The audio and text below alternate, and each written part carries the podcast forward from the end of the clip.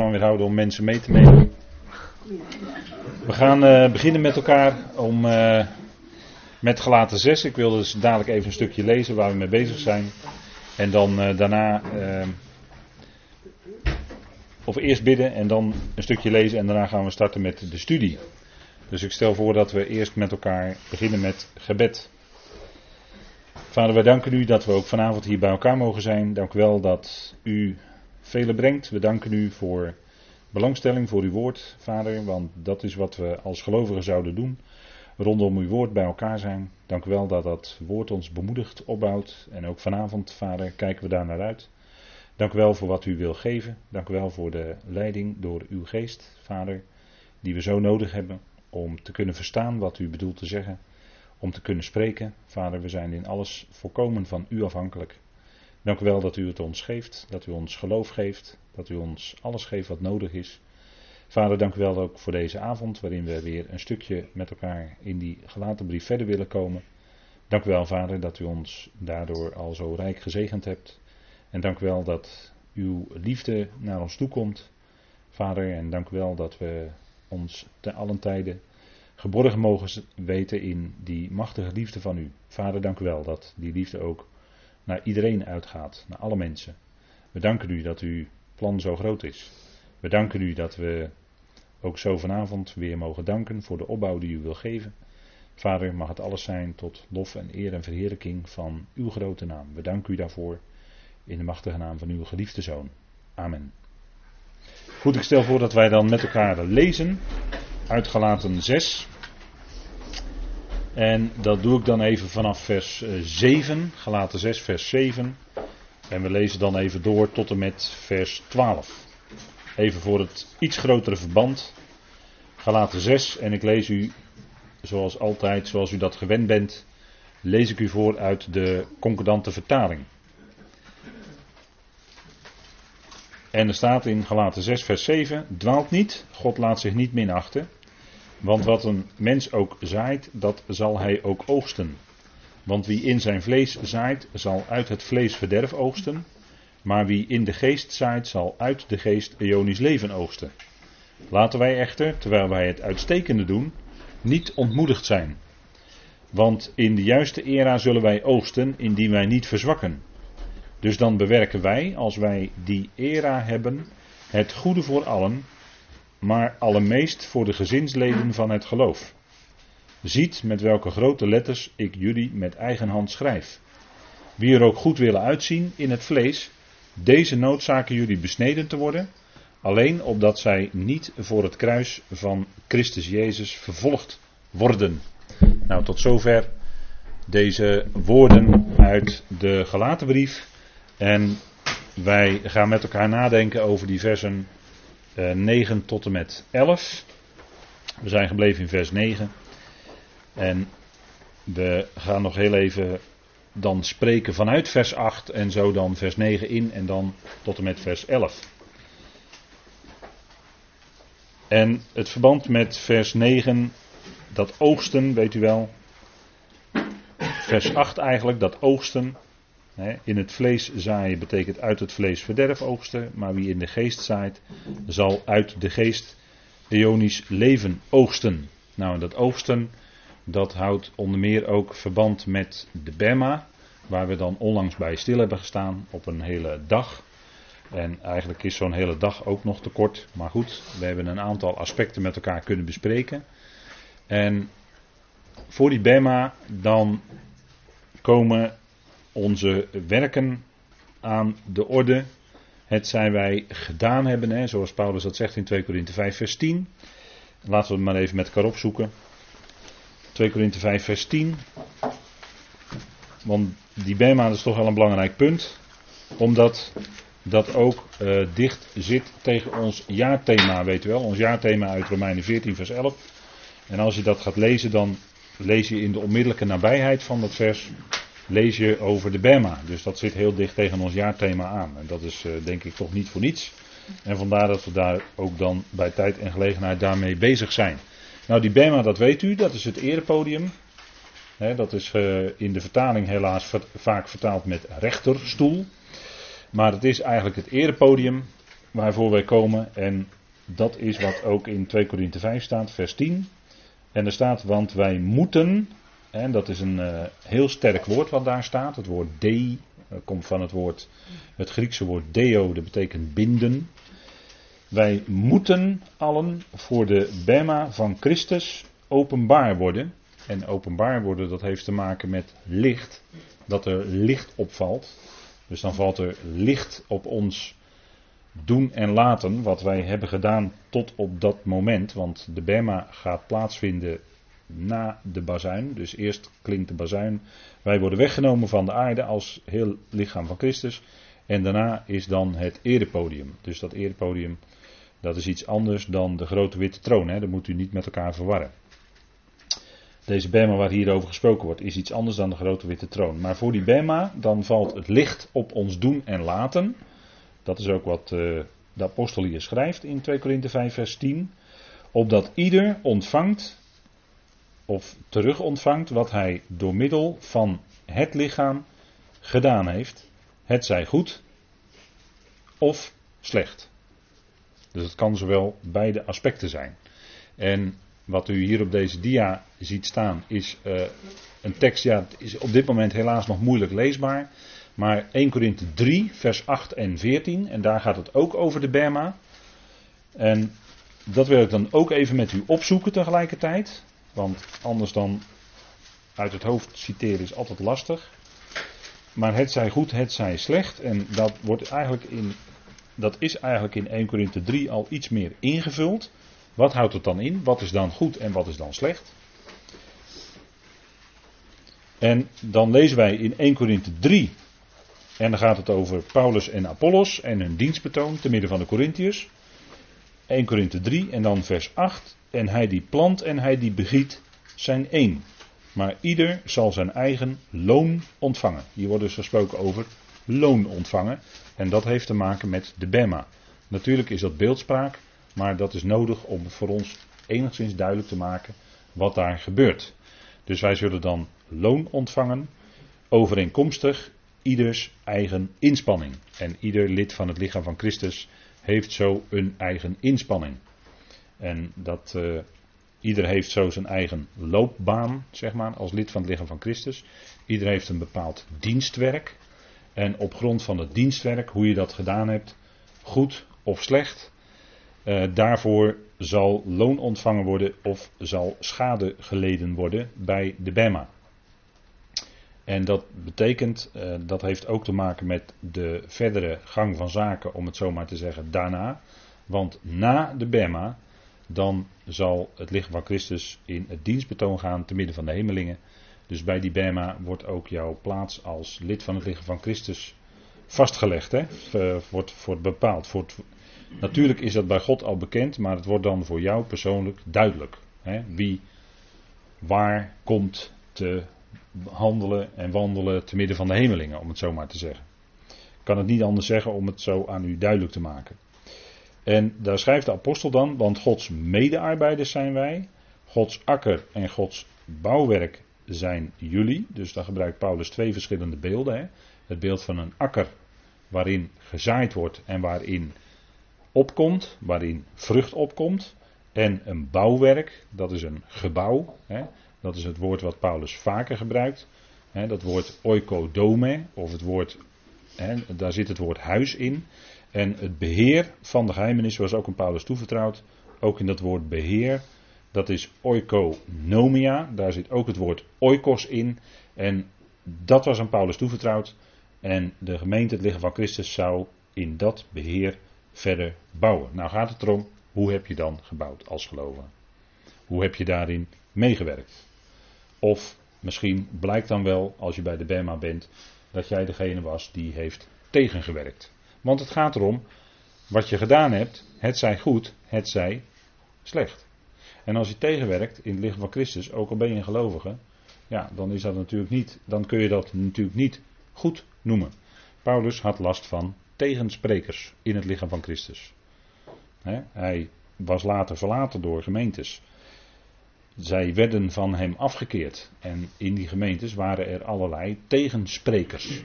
Er waren wel, weliswaar ware gelovigen, Maar zij spraken op een gegeven moment tegen, omdat zij afgeleid waren. We zijn de vorige keer, hebben we stilgestaan bij dat dwalen, weet u wel, dat afdwalen. Nou, mensen die afdwalen, die gaan op een gegeven moment dan ook het evangelie van Paulus tegenspreken. Die gaan er tegenin. Dat zijn maar ware gelovigen. Want die heb je vandaag aan de dag ook. Ware gelovigen die toch het evangelie van Paulus tegenspreken. Dat kan. En dat zal blijken bij de Bema. Want dan zal blijken dat je misschien gedacht hebt als gelovige in dit beheer van de genade. Dat jij moest gaan bouwen met wet. Want we hebben het nu over de gelaten brief. Dat jij moest gaan bouwen met wet. En dan zal blijken bij de Bema dat je met, niet met het juiste materiaal hebt gebouwd. En dat blijkt dan hout, hooi en stro te zijn. En Paulus zegt dat het uh, richten wat de Heer daar doet, dat vergelijkt hij met vuur. En hout, hooi en stro vergaat heel snel door het vuur. Dus daar blijft niks van over. Dus als jij gebouwd hebt in dit beheer van de genade met wet, want u hoort al dat het tegenstrijdig is, je kunt niet in het beheer van de genade bouwen met de wet. Dat gaat niet. Bouwen met de wet, dat moet je doen in het beheer van de wet. Dat was bij Israël, voor, dat, voor het kruis. Maar na het kruis kwam het beheer van de genade. En vervolgens zouden dan gebouwd worden met de principes van de genade. Met de principes van de nieuwe schepping. Hebben we ook uitgebreid bij stilgestaan.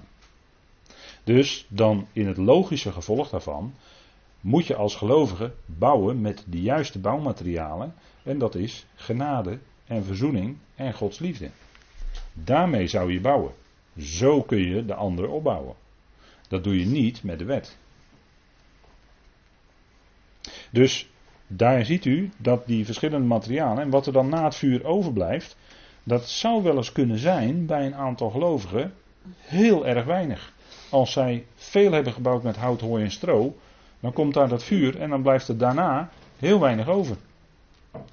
En het gaat er ook niet om of wij veel hebben gedaan. Het gaat niet om onze hoeveelheid, om onze kwantiteit die wij misschien eh, tot stand hebben gebracht tijdens ons aardse leventje als gelovigen. Maar het gaat om de kwaliteit. Dat wat wij gedaan hebben, was dat kwalitatief voldoende om straks bij die Bema die vuurproef te doorstaan. Want dan worden onze werken getest met vuur. En dan zullen ook onze motieven bekeken worden onze motieven. En dat zegt Paulus. Als, hij, hij besteedt dit hele gedeelte aan, de rest van hoofdstuk 3. En dan komen we in hoofdstuk 4. En er staat in vers 5. Want we kunnen dat hoofdstuk niet helemaal uitputten met elkaar hier bespreken nu. Maar in hoofdstuk 4, vers 5 staat dan. Oordeel daarom niets voor de tijd totdat de Heer komt. Dus wij zouden elkaar niet oordelen. En dat is met het oog op de Bema. Want Paulus zegt: oordeel daarom niets voor de tijd totdat de Heer komt met een bazuin Gods. Dus we zouden daarvoor zouden wij dus niets oordelen.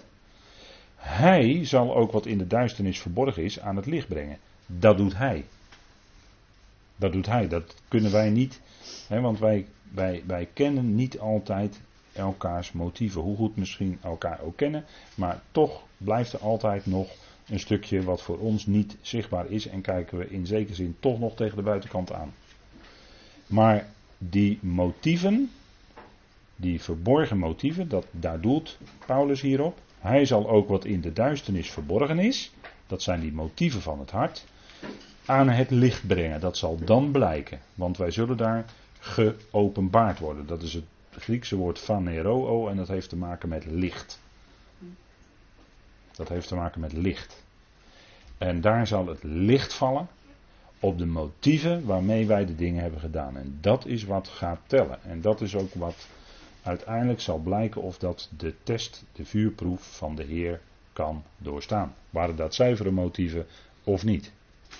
Nou, dat zal dan allemaal blijken. Dat hoeven wij niet en dat kunnen wij ook niet voor die tijd bij elkaar uh, altijd direct achterkomen. Nee, dat zal de Heer dan laten zien. hij zal de voornemens of de raadslagen van het hart openbaar maken, staat er hè. En dan zal ieder van God lofprijs ontvangen. Hè? Lofprijzing. Dus God zal dat prijzen. God zal die motieven aan het licht brengen door de Heer en hij zal dat prijzen. Daar waar het te prijzen is. En daar zal ieder lofprijs ontvangen. En daar blijkt het ook, hè? Daar blijkt het ook.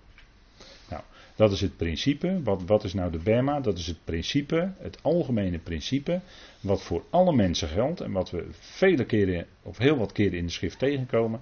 Dat is dat God een ieder zal vergelden. En dat woord vergelden is niet zo dreigend als u misschien gewend bent vanuit uw opvoeding. Maar hij zal dat vergelden, hij zal dat teruggeven of terugbetalen naar de werken. Naar de werken. Het zij dat wij gedaan hebben, we hebben het met elkaar gelezen. Het zij goed, het zij slecht. Dat zal bij de Bema bekeken worden. Voor ons is dat dus bij de Bema. Voor de volkeren is dat niet zo lang daarna bij de troon van zijn heerlijkheid. Dan zal de Heer zitten daar als een herder. En dan zal hij de volkeren richten als schapen en bokken. En dan zal hij daar ook hun werken beoordelen. Dat is ook dat algemene principe uit de schrift wat we kennen, dat hij in ieder zal vergelden naar hun werken. En dat zal ook gebeuren veel later, duizend jaar later, bij de grote witte troon. En ook daar hebben we dat principe, de beoordeling naar, of de vergelding naar de werken. dat kunnen we wel even lezen in Romeinen 2, dat staat in Romeinen 2, de grote witte troon. En voor de volkeren geldt dat dus voor de duizend jaar. Bij de troon zijn de heerlijkheid, Matthäus 25. Als de Heer zal van elkaar scheiden de schapen en de bokken.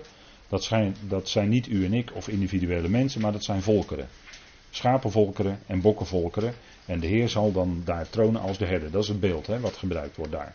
Matthäus 25, vers 31 tot en met 46. Maar dat beschouw ik bij u als bekend, dus daar ga ik niet verder op in. Maar bij de grote witte troon, bij de grote witte troon, zal ook een ieder ongelovige daar beoordeeld worden naar de werken. Naar de werken. En ik heb op deze dia heel wat teksten gezet waarin dat principe naar voren komt in de schrift. U kunt dat lezen in Psalm 62, vers 13. Of Jeremia 17, vers 10. Of Jeremia 32, vers 19. Of Matthäus 16, vers 27. Romeinen 2, vers 6. Romeinen 14, vers 12. Openbaring 2, vers 23. En Openbaring 22, vers 12. En dat was niet een uitputtende reeks, want het staat nog vaker. Maar dan ziet u dat dus door de hele schrift datzelfde principe naar voren komt: dat God en ieder zal vergelden naar de werken. En dan lezen wij voor de grote witte troon in Romeinen 2, vers 6. Die een ieder zal vergelden naar zijn werken, staat daar. Romeinen 2, vers 6. Hun die met volharding het goede doen en heerlijkheid, eer en onvergankelijkheid zoeken het Ionische leven. Hun echter die twistziek zijn en ongehoorzaam aan de waarheid, maar gehoorzaam aan de ongerechtigheid, gramschap en toren of verontwaardiging. En verdrukking en benauwdheid over de ziel van ieder mens die het kwade bewerkt, eerst over de Jood en ook over de Griek. Maar heerlijkheid en eer en vrede over ieder die het goede werkt, eerst over de Jood en ook over de Griek, want er is geen aanzien des persoons bij God. En dat is ook een woord wat vaak in de schrift voorkomt. Hè? Er is geen aanzien des persoons bij God. Voor de grote witte troon, al die ongelovigen, iedereen is daar gelijk. Iedereen wordt daar met dezelfde maatstaven, eh, in principe dezelfde maatstaf beoordeeld. Wel al nagelang de omstandigheden. Maar in ieder geval zal daar dus gramschap en toren en verdrukking en benauwdheid zijn over de zielen van de mensen die voor de grote witte troon staan. Maar dat hoeven wij ons niet aan te trekken, want u en ik zullen bij de Bema staan. En dat is ruim duizend jaar eerder dan de grote witte troon. Dus daar hebben wij verder in die zin, let goed op wat ik zeg, in die zin niet mee te maken. Misschien wel in een hele andere zin, maar daar zullen we later misschien nog wel eens over komen te spreken met elkaar. Uh, dus vergelden naar de werken, dus de Bema, dat is ons moment. Hè? En dat is wat eigenlijk ook een beetje uh, in gelaten 6, want daar zijn we nu mee bezig, naar voren komt. Hè? Over dat zaaien en dat oogsten. Nou, zo'n oogstmoment, dat heeft ook iets met de Bema te maken, dat oogsten. Maar het is ook nu al in ons leven, in ons nu praktische leven, Zaai jij in het vlees, dan zul je uit het vlees verderf oogsten. Zaai jij in de geest, dan zul je uit de geest eonisch leven oogsten. Nu in de praktijk. En ook bij de Berma. En daar zit nog een punt aan, maar daar komen we straks op terug. Dus de Berma, goed, even voor nu. Laten we dat dan even verder voor wat dat is. En verwijs ik u ook verder door naar de banden of de, of de geluidsopnames van de studiedag. Uh, laten wij, zegt Paulus in Galaten 6, vers 9, terwijl wij het uitstekende doen. Hè, er staat niet alleen het goede, maar er staat een woord dat is meer. Uh, het goede is het woord ui, hè, of agathon. Nee, agathon moet ik zeggen. En het uitstekende is het woord kalon in het Grieks. En dat is meer, hè, dat is wat boven het goede uitgaat. Daar zit nog een extra aan, zou je kunnen zeggen. En wat is nou het uitstekende? Het uitstekende, dat, en dan kom ik terug op wat ik ook al eerder heb gezegd, is wat is tot opbouw van het lichaam van Christus, tot opbouw van de gemeente. Dat is het uitstekende. En Paulus heeft hier over goede werken. En het uitstekende doen, hoe kun je dat nou voor jezelf invullen vanuit de brieven van Paulus? Nou, dat is bijvoorbeeld het najagen van verschillende dingen die Paulus noemt in zijn brieven. En het eerste punt wat je dan zou kunnen zeggen, is dat hij ons wijst op jaagt de liefde na. Dat klinkt direct na dat geweldige hoofdstuk 1 Korinthe 13. En daar zegt hij dan in 1 Korinthe 14, vers 1 jaagt de liefde na en streef naar de geestelijke, en dan zou je in kunnen vullen, gaven. En vooral dat je mag profiteren, maar profiteren dat is voor een bepaalde tijd. Profiteren is niet voor nu. Profiteren dat hield op toen Gods woord compleet werd gemaakt. En toen ook het mogelijk was om met de boodschap die Paulus bracht tot geestelijke volwassenheid te komen. En op dat moment is het profiteren niet langer nodig. En ook het spreken in tongen, dat zou verstommen en dat is het ook. En voor zover er wordt gesproken in spreken in tongen, dan is dat iets anders. Dan is dat misschien wel spreken in tongen, maar niet door de Heilige Geest. Maar wat zouden we dan najagen in plaats van die, al die gaven? Hè? Want veel mensen die jagen bepaalde gaven na, of die doen een gaventest. Hè? Dus tegenwoordig ook in de kerken kun je ook een gaventest doen.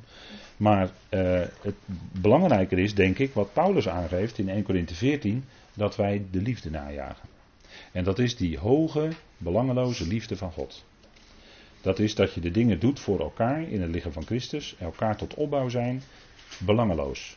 Zonder dat jij, daarmee bedoel ik, zonder dat jij daar zelf belang bij hebt. Nee, jouw belang is dan Christus Jezus belang.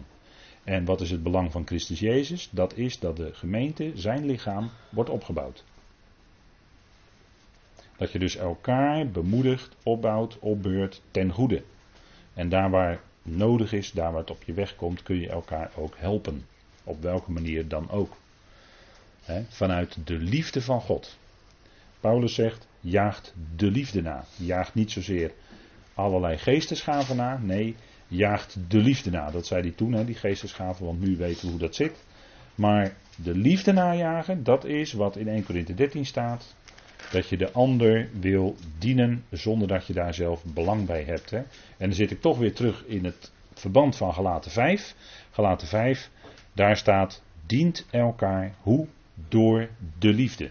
En dat is die belangeloze agape liefde van God. Dat is willen dienen zonder dat jij daar zelf beter van wordt. En vaak word je daar misschien zelfs nog wel minder van, maar niet in Gods ogen, hè, want dat wordt als het ware op je konto bijgeschreven, maar dat is dan weer dankbaarheid in je hart, want God werkt het in je uit. Het is niet dat jij zelf nou zo heel hard moet gaan werken aan allerlei dingen, maar het is veel meer dat je van binnenuit die liefde in je hart hebt. En dat je, omdat die liefde in je hart is, wil je dat, hè, wil je van daaruit die ander ook dienen en wil je echt lief hebben op de Bijbelse manier, hè, op Gods manier. Dat is belangeloos dienen. En dan komen al die facetten van de geest naar voren. Vrucht van de geest hebben we uitgebreid besproken met elkaar. Nou, in 1 Corinthië 13 klinkt dat allemaal ook. de liefde is geduldig. Het kan tot opbouw van die ander zijn doordat jij met die ander geduld hebt. Beseffen dat ook God met jou geduld heeft. je hoeft maar even achterom te kijken in je leven en je beseft ogenblikkelijk dat God met jou heel veel geduld heeft. En dat hij stap voor stap jou is gaan bouwen, in jouw leven is gaan opbouwen wat goed is. En is gaan afbreken wat dat in de weg stond. En dat is soms een proces wat over vele jaren, misschien wel tientallen jaren zich voltrekt. En dan is het de ene keer dit facet en de andere keer dat facet. Maar het is God die steeds jou bezig was op te bouwen. Nou, dat, dat doet hij in veel geduld.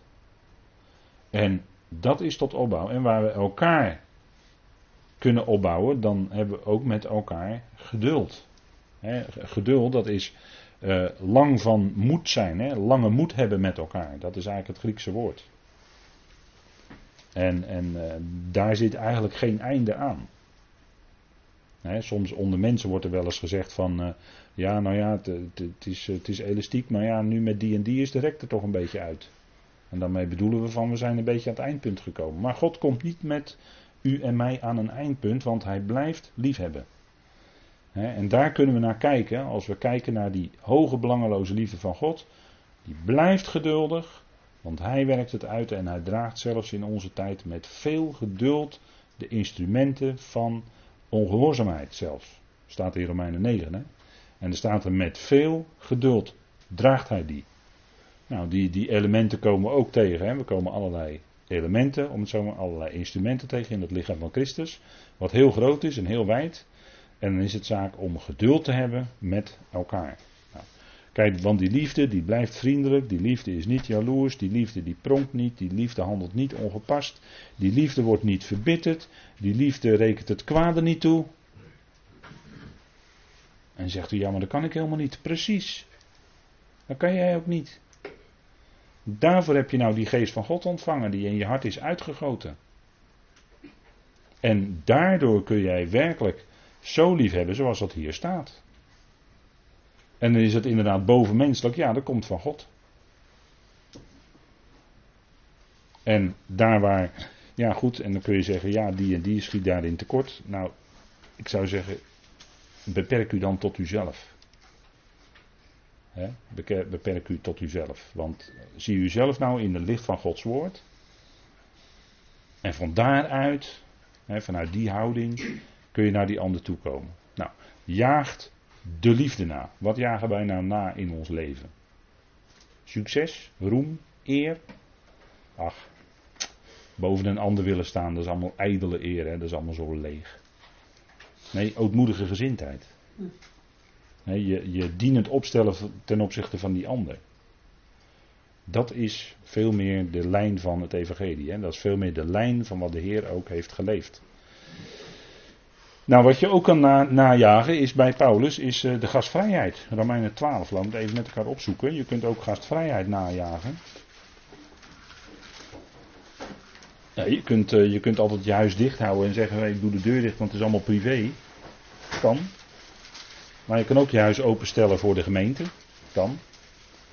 Je, je, kan. Uh, mensen van de gemeente eens een keer ontvangen. Dat je met elkaar eens wat doorspreekt over het evangelie, wat je deelt, je blijdschap delen. En dan kan je je huis open doen voor de ander.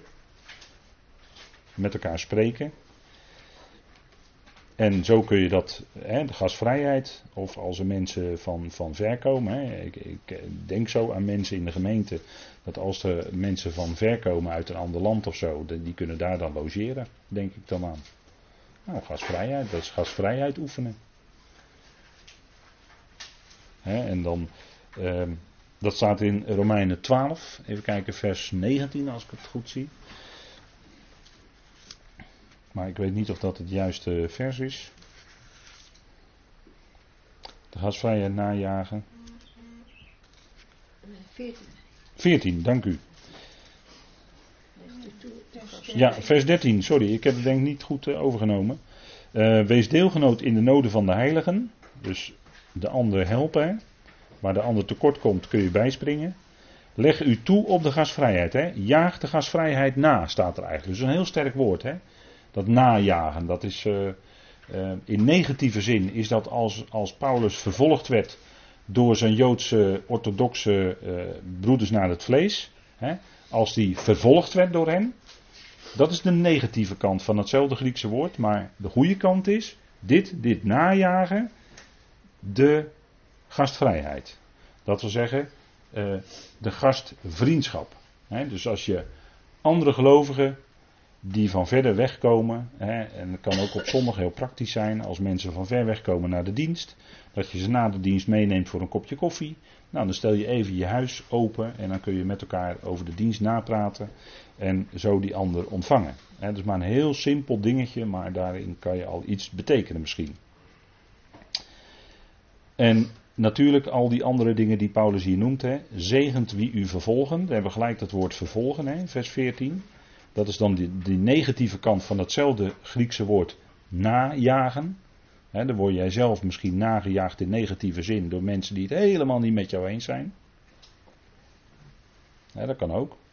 En wat zouden we dan van diegene doen? Daar, die zou, daarvan zouden we goed spreken. Want dat betekent zegen eigenlijk. Hè? Zegent wie u vervolgen. Dus spreek goed van hen die je vervolgen. En het is zo makkelijk om daar kwaad van te spreken. Maar hier in het Evangelie lezen wij dat wij zouden zegenen wie ons vervolgen. En dat, dat gaat dwars tegen je eigen gevoel in, het gaat dwars tegen je eigen emoties in, het gaat dwars tegen je eigen mens zijn in, dat weet ik allemaal wel. Maar daarvoor is nou de Heer aan het kruis gegaan en die heeft aan het kruis die hele oude mens meegenomen. Dus ook onze oude mens, die is mede gekruisigd. En als je van daaruit leeft, na dat kruis, vanuit de opstanding, hè, dan kun je ook deze dingen in de praktijk brengen. Hè. Zegen hen, staat er ook, en vervloek hen niet. Nou, dat vervloeken betekent naar beneden verwensen. En als mensen negatief tegen jou zijn, dan kun je heel snel onder elkaar gaan praten en dan ga je die ander naar beneden verwensen. Maar in tegendeel zegt het Evangelie: spreek goed van hen. Dat is wat. Spreek goed van hen. Degene die jou vervolgen, degene die jou achterna zitten. dat, dat is wat eigenlijk Paulus aanwijst vanuit die liefde. Hij begint in, in vers 9 hier in een stukje Romeinen 12, begint hij, de, dan zegt hij de liefde ongehuigeld. dan gebruikt hij geen werkwoord, maar dan zegt hij de liefde ongehuigeld. Dus dan is het echte liefde betonen. Zonder dubbele bodem dus. Maar echt ongehuigelde liefde betonen. Omdat je van hem bent. En omdat je die ander echt wil liefhebben. Dat je die ander echt wil dienen. Nou, dat, daar, daar begint het allemaal mee. En van daaruit komen eigenlijk al die dingen die Paulus dan vervolgens gaat noemen. Hè. Vers 20. Als je vijand honger heeft, geef hem te eten. Wie? Je vijand.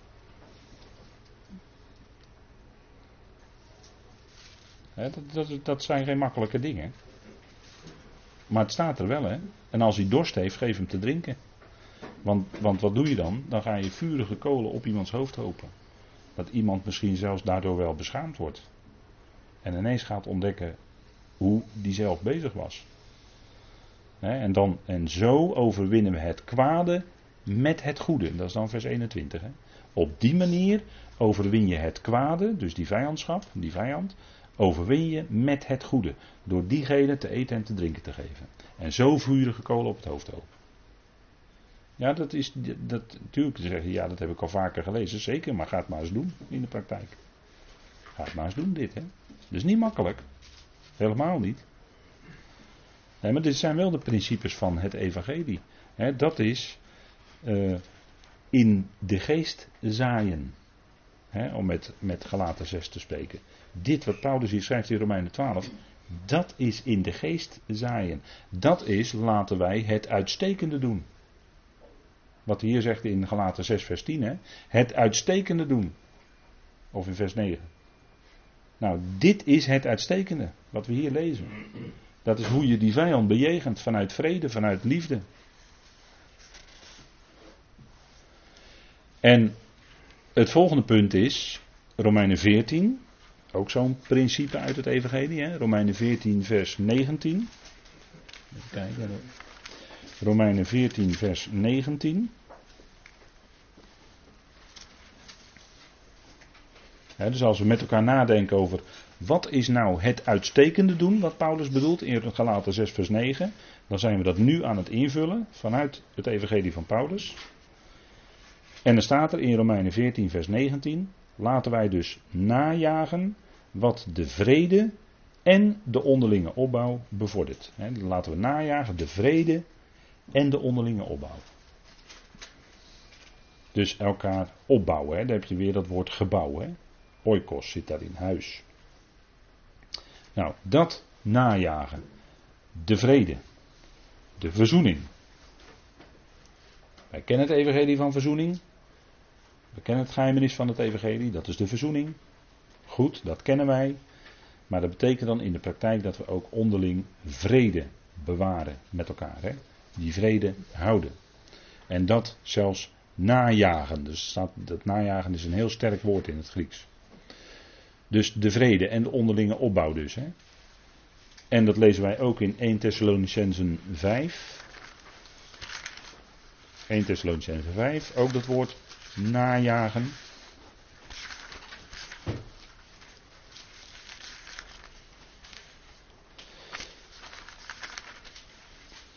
En dat is vers 15, 1 Thessalonicense 5, vers 15. En er staat: Kijk uit dat niemand een ander kwaad met kwaad vergeldt. Dus het kwade met het kwade teruggeeft. Hè? Maar jaag altijd het goede na. En voor elkaar. En voor allen. Dus niet alleen elkaar, dus geloof, geloofsgenoten onderling. Maar ten opzichte van allen, dus alle mensen, het goede najagen. Dat is wat we zouden doen. Hè? Jaag altijd het goede na. Dus de negatieve is niet kwaad met kwaad vergelden. Maar wat dan wel? Het goede najagen. Voor elkaar en voor allen. Dus die kring is zo breed als eigenlijk alle mensen. Iedereen die je tegenkomt. En dat is helemaal vanuit het evangelie natuurlijk wat we mogen kennen. Dat God in Christus de wereld met zich verzoende. Dat wil zeggen, dat gaat dus de hele wereld aan. Dat gaat dus al die mensen aan. Dus dat is hè, het goede najagen. Jaag altijd het goede na. Voor elkaar en voor allen. Nou, het goede is vrede bewaren met alle mensen, voor zover het van jou afhangt. En dan als laatste de prijs. Hè? De prijs najagen, de prijs van de roeping van God, die van boven is, Filippenzen 3. Kunnen we ook even met elkaar lezen vanuit de concordante tekst die wij hebben. Filippenzen 3.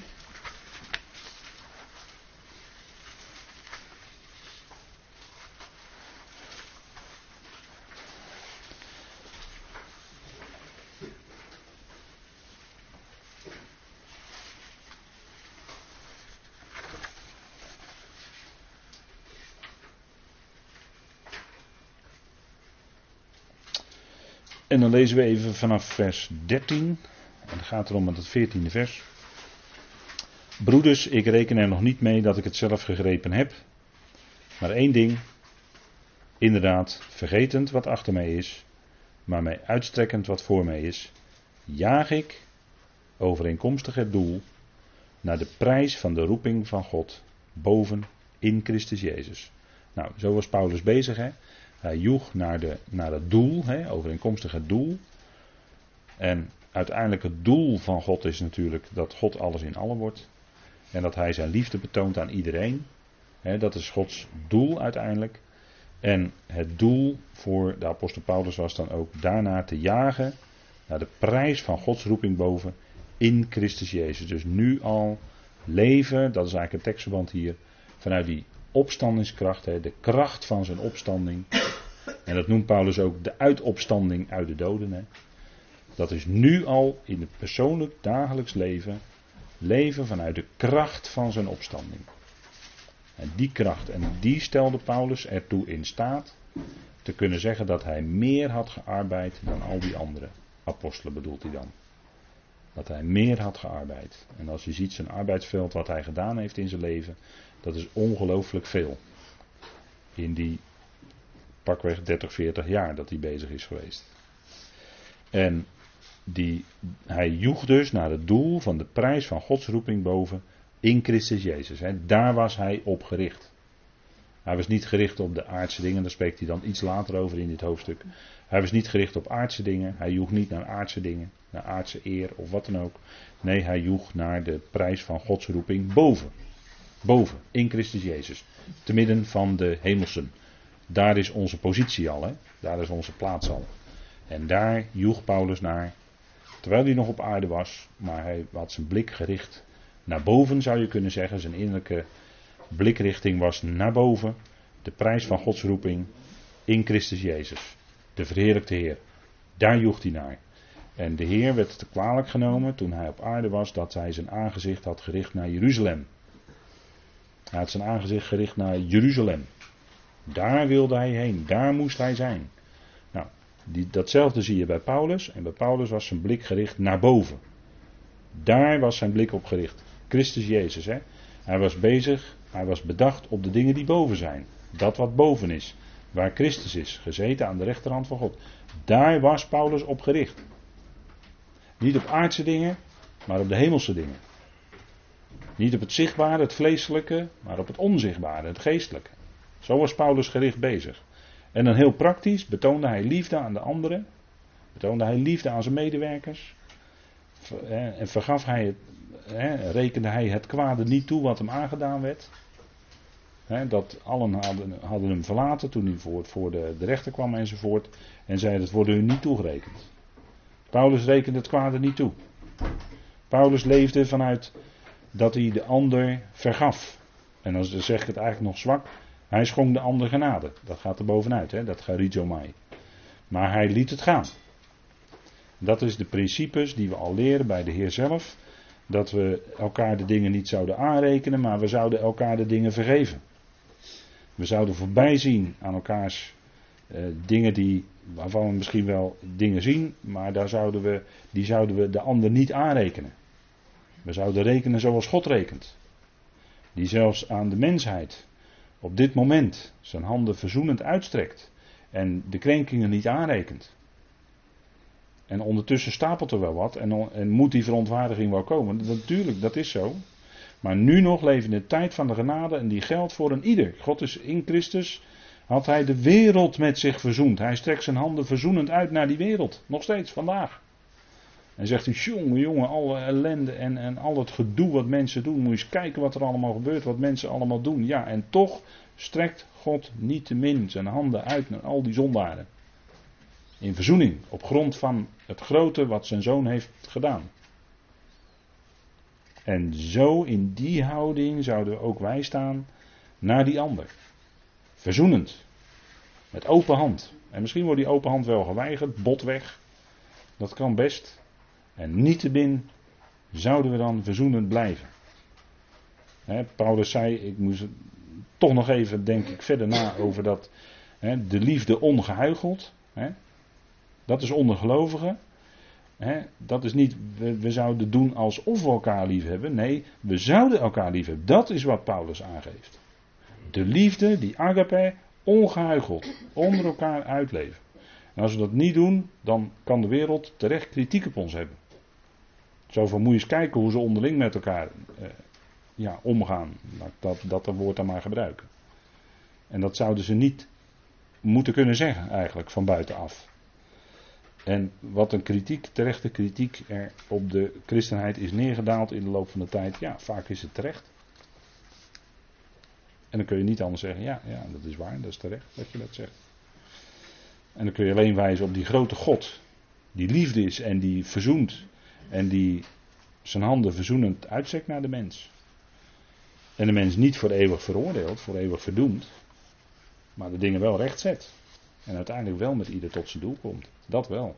God is wel de redder van alle mensen. Zeker. maar die liefde onderling uiten. dat, is, dat is wat. En zo was Paulus ook in die gezindheid bezig. want hij zegt in vers 15: Laten wij dan alle die gerijpt zijn volwassen in het geloof, betekent dat. Wij allen die dan gerijpt zijn, laten wij deze gezindheid hebben.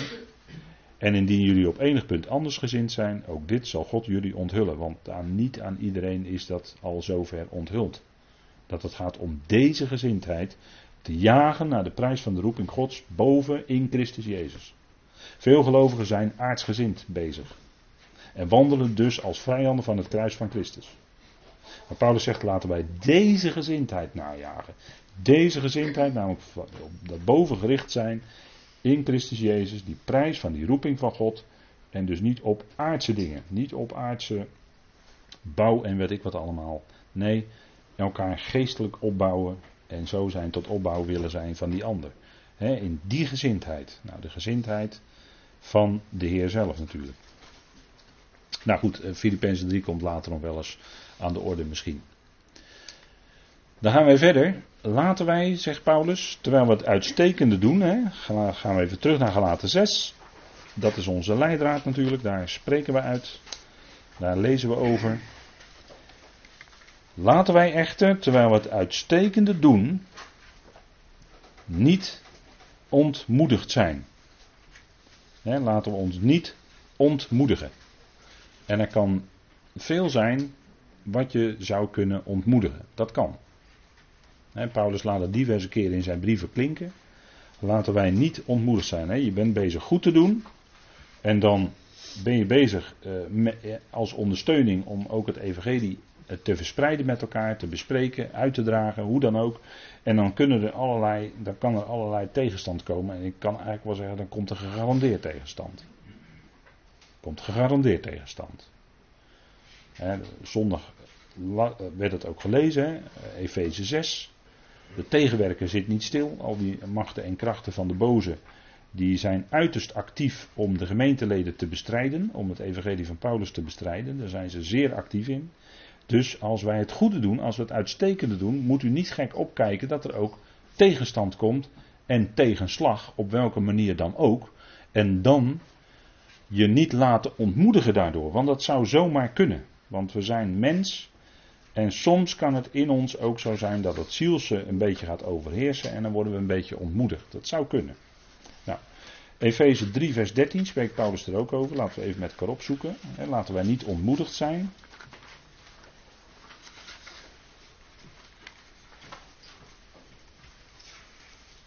En dan heeft Paulus gesproken over dat geweldige plan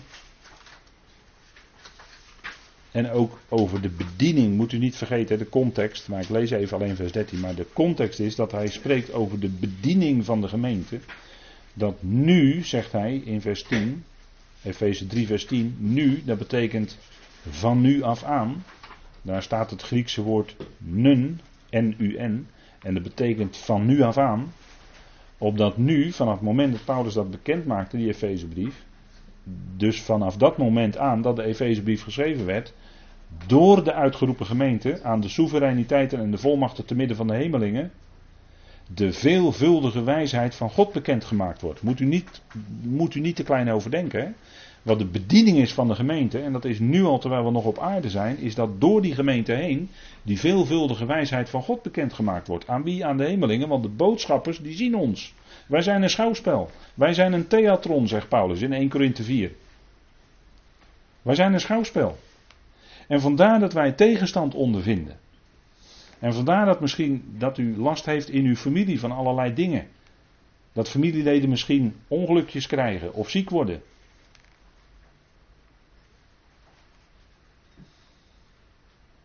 Dat heeft met deze dingen te maken hoor. Dat heeft een geestelijk, uiteindelijk een geestelijke achtergrond. En vandaar de tegenwerking, want die is altijd in het geestelijke bereik. En dat uitzicht op allerlei wonderlijke manieren, maar daar hebben we de tegenwerking van. En omdat het zo is, omdat die gemeente zo'n geweldige bediening heeft, en de tegenwerker is er dan, is er zeer aan gelegen om die bediening weer onder het tapijt te schuiven, dat dat niet bekendgemaakt wordt. Maar waar dat wel bekendgemaakt wordt en waar dat vervolgens ook aangehouden wordt en steeds weer voorgehouden wordt aan de mensen, Daar zal tegenstand zijn, op welke manier dan ook, van die hemelse machten en krachten. Geestelijke tegenwerking. En daarom zegt Paulus in vers 13: Daarom verzoek ik jullie niet ontmoedigd te zijn in mijn verdrukkingen. Kijk, Paulus leed verdrukkingen. Weet u waarom dat is? Nou, dat is hierom. Wat ik net heb gezegd. Vers 10. Vanwege die bediening. Die hemelse machten en krachten. Die horen dat, die nemen dat waar. Of het wordt door middel van boodschappers naar hen overgebracht. En wij zullen de boodschappers richten, staat in 1 Korinthe 6. Hè? Wij zullen de boodschappers ook richten in de toekomst. Maar daarom leed Paulus verdrukkingen. Daarom stond hij onder druk. Daarom leed hij schipbreuk. Daarom kreeg hij de 40 min 1 slagen. Daarom was hij in gevaar. Ook onder valse broeders. En dat was de reden waarom hij zoveel lijden ondervond. En dan zegt hij. Dat is zijn liefde dan. Daarom verzoek ik jullie niet ontmoedigd te zijn in mijn verdrukkingen voor jullie. Wat jullie heerlijkheid is. Want hij maakte die heerlijkheid van die gemeente bekend. Jullie heerlijkheid, gemeenteleden maakte Paulus bekend en daarom leed hij en onderging die verdrukkingen. En had hij het van binnen stik benauwd soms.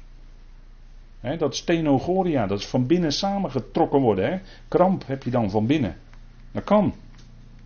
Maar dat ondervond Paulus ook allemaal. we moeten niet, eh, niet, eh, niet te min denken over dat het allemaal, eh, als je het evangelie verkondigt zoals Paulus, dat dat allemaal van een lijn dakje gaat. Maar dat kost allemaal strijd. En het kost lichamelijke, en dat kost je soms ook lichamelijke klachten. En, en, maar toch zegt Paulus, hij wilde die, toch die gelovigen niet te min bemoedigen, dat was dan zijn liefde, dat zij niet ontmoedigd zouden zijn in die verdrukkingen die ze bij Paulus zagen. Dat ze zich daardoor niet lieten ontmoedigen. En moet je eens kijken wat voor een houding Paulus dan heeft hè, daarin. En op die manier dan toch nog de gelovigen bemoedigt. Terwijl hij zelf leed en verdrukkingen onderging. Nou, dan ben je ver heen hoor. Dan ben je gerijpt in het geloof, bedoel ik dan. In, positieve zin dus, dan ben je ver heen. dan ben je een end op weg. Nou, en wat jullie heerlijkheid is. En daarom zegt hij ook in Colossense 1 vers 24, dat hij zich verheugde in het lijden. Nou, dat is, dan zegt u, ja, dat is bovenmenselijk. Ja, maar dat, dat was bij Paulus wel aan de hand. Dat was bij Paulus zo. Hij verheugde zich in zijn verdrukkingen, in zijn lijden, ter wille van jullie. Colossense 1, vers 24. Ik zal het u voorlezen. Nu verheug ik mij in mijn lijden ter wille van jullie en vul in zijn plaats, dat is in de plaats van de Heer Jezus Christus, in mijn vlees aan wat ontbreekt aan de verdrukkingen van Christus ter wille van zijn lichaam, dat is de uitgeroepen gemeente, alsjeblieft. Hij zegt dus, nu verheug ik mij in mijn lijden.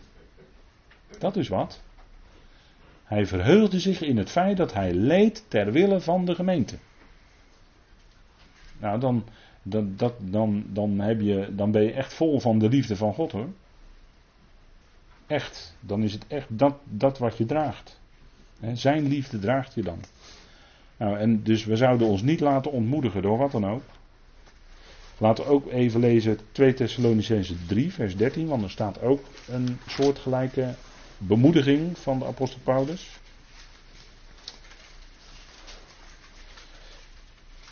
...2 Thessalonicense 3 vers 13...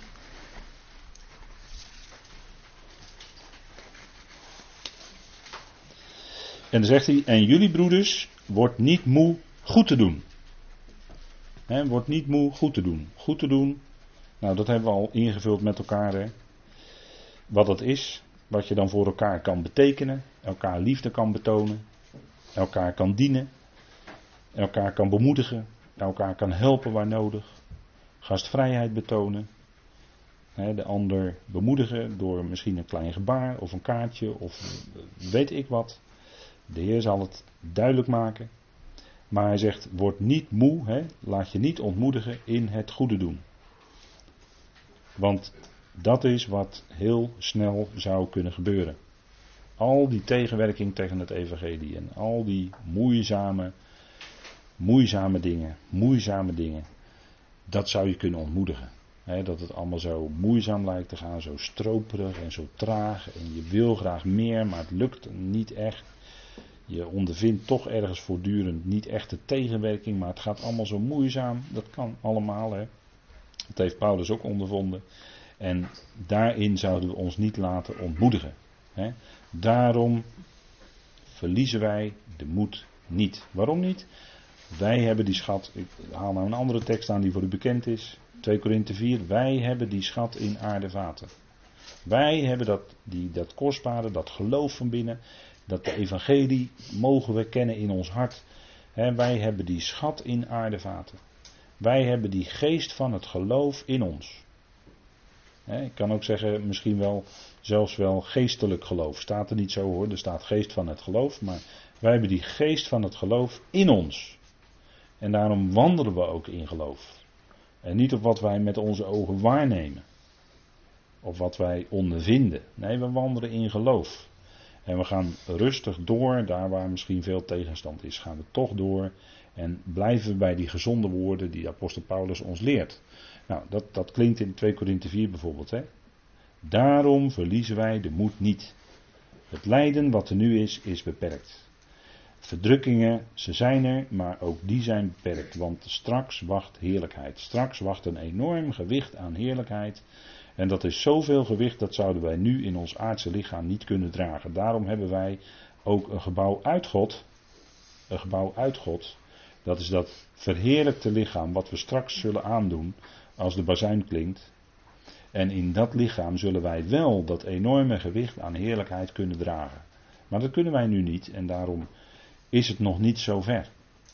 Maar tot dat moment zal God het niet boven onze lippen laten komen. Want hij zal met de beproeving, hij zal met de test, zal hij ook voor de uitstijging zorgen. Zodat je tegen bestand bent. En hij zal je daarin dragen. En hij geeft precies genoeg draagkracht voor die situatie waarin jij, waarin u bent. Geeft u op dat moment, geeft u precies het juiste wat nodig is, zodat je daar doorheen kan komen.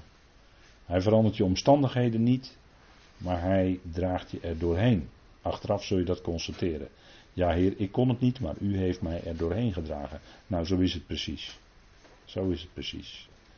En dan spreekt hij je aan door zijn woord, dan bemoedigt hij, dan vertroost hij in het lijden. En ja, dat is eigenlijk onbetaalbaar. Hè? Dat is onbetaalbaar als hij je troost en bemoedigt op die manier. Goed, we gaan even door naar de volgende dia. Hè. Laten wij niet ontmoedigd zijn, want de tegenwerker wil ons ontmoedigen. Dus die wil ons de moed in de schoenen laten zinken, zodat wij zwak van ziel worden. Dat kan, hè. We kunnen in onze ziel, in onze ziel zijn we ook zwak. En als onze ziel een beetje de overhand krijgt, dan, dan voelen we ons ook zwak. dat staat bijvoorbeeld in uh, Hebreeën 12. Daar gaat het over tegensprekers, en die hebben we vandaag de dag nog steeds natuurlijk. En die waren er ook in de tijd van de Heer Jezus. Die had ook heel wat van die tegensprekers om zich heen die hem voortdurend onderuit wilden halen. Die tegenspraken wat hij gezegd had. Of dat om, uh, soms heel subtiel onderuit wilden halen. En dat soort dingen. En ze gingen steeds met hem in discussie, hè, de orthodoxen en noem maar op. Als hij weer een wonder verricht had, als hij weer iets gedaan had, een genezing, dan gingen ze met hem in discussie enzovoort. Ja, dat was niet altijd makkelijk. Maar in Hebreeën 12 staat, laten wij, vers 1, laten wij met volharding de wedloop lopen die voor ons ligt, terwijl wij ons oog gericht houden op Jezus, de leidsman en voleinde van het geloof. Hij heeft, om de vreugde die hem in het vooruitzicht was gesteld, het kruis verdragen en de schande veracht en zit nu aan de rechter van de troon van God dus hij is nu gezeten aan de rechterhand van God. Hij is verheerlijkt. Zo opent de Hebreeënbrief ook. Maar wat een loopbaan heeft hij gehad. Hij is de voleinder en leidsman van het geloof.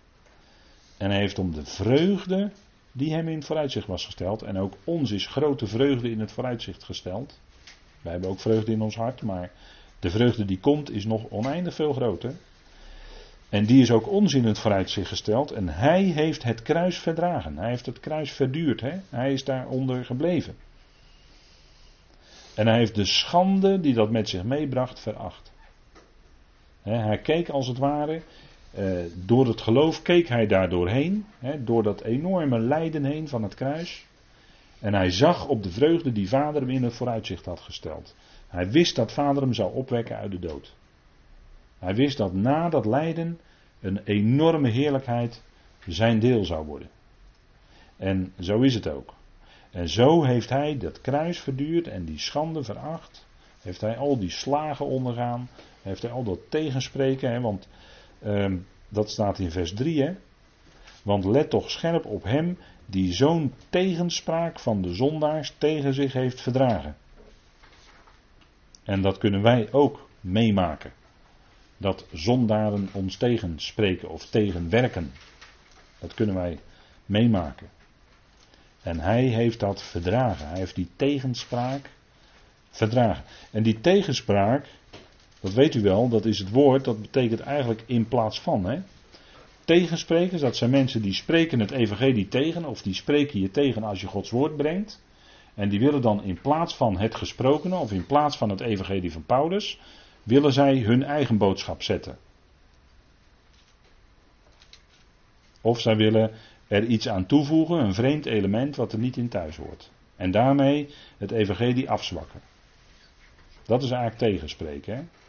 Tegenspreken wil zeggen, is niet alleen tegen ingaan omdat je, omdat je wil weten hoe het zit. Nee, tegenspreken is tegenspreken omdat jij jouw boodschap, dat wat jij wil zeggen, in plaats wil stellen van dat wat gesproken wordt. Dat is het. Nou, zo heb je overal van die tegensprekers. En sommigen die komen dan vanuit de traditie en anderen komen weer vanuit uh, eigen denken. En uh, hè, zo van dat zeg je nou wel maar, weet u wel. En in dat woordje maar, daar zit alles, daar, hoor je gelijk de ontkenning in. En dat ze dus iets anders willen. ze willen dan geen aangepaste boodschap, maar gewoon een volkomen andere boodschap. Nou, dat, dat, en dat, dat, uh, dat verdragen van die tegensprekers en ook de tegensprekers kunnen beantwoorden, dat is iets wat bijvoorbeeld uh, Paulus zegt tegen Titus in Titus 1 vers 9. Laten we het even met elkaar opzoeken. Titus 1 vers 9. En er worden een aantal dingen gezegd over een opziener. Hè. Een opziener is ook een oudste. Hè, maar een opziener, daar worden een aantal dingen van gezegd. En Onder meer, en dan gaat het even om, nu specifiek in dit verband Titus 1 vers 9, even, even dat vers 9. wat is dan vereist bij een opziener? Dat is iemand die zich houdt aan het betrouwbare woord. Dus dat is iemand die zich houdt aan het evangelie wat is overgedragen. Het betrouwbare woord, de gezonde woorden die we van Paulus hebben gehoord en die we van Paulus horen. Dat overeenkomstig de leer is, he, overeenkomstig het onderricht. Het onderricht dat Paulus dus gebracht had. Zodat hij bij machten is anderen te bemoedigen door het gezonde onderwijs. En ook de tegensprekers te weerleggen. Ziet u, hier heeft u, hier heeft u ze. Hè? De tegensprekers, degene die er tegenin gaan. Die in plaats van zeggen. Maar zo'n opziener moet in staat zijn te bemoedigen door het gezonde onderwijs. Dat is de ene kant. En ook de tegensprekers te weerleggen. Dus de tegensprekers te beantwoorden. Te laten zien waar zij de fout ingaan. Laten zien hoe het wel zit. En zo op die manier uh, hen in ieder geval te beantwoorden. Wij kunnen nooit een mens overtuigen. Dat, dat moet, die intentie moeten we nooit hebben. Wij kunnen nooit iemand anders die het er niet mee eens is overtuigen. Maar we kunnen wel aangeven, dit is het evangelie. En dit spreken wij, dit zijn de gezonde woorden. En hier staan we voor. Dat wel. En een opziener in de gemeente moet dat kunnen. Dat is wat Paulus aangeeft, hè? duidelijk tegen Titus. Die moest allerlei opzieners aanstellen daar op Kreta.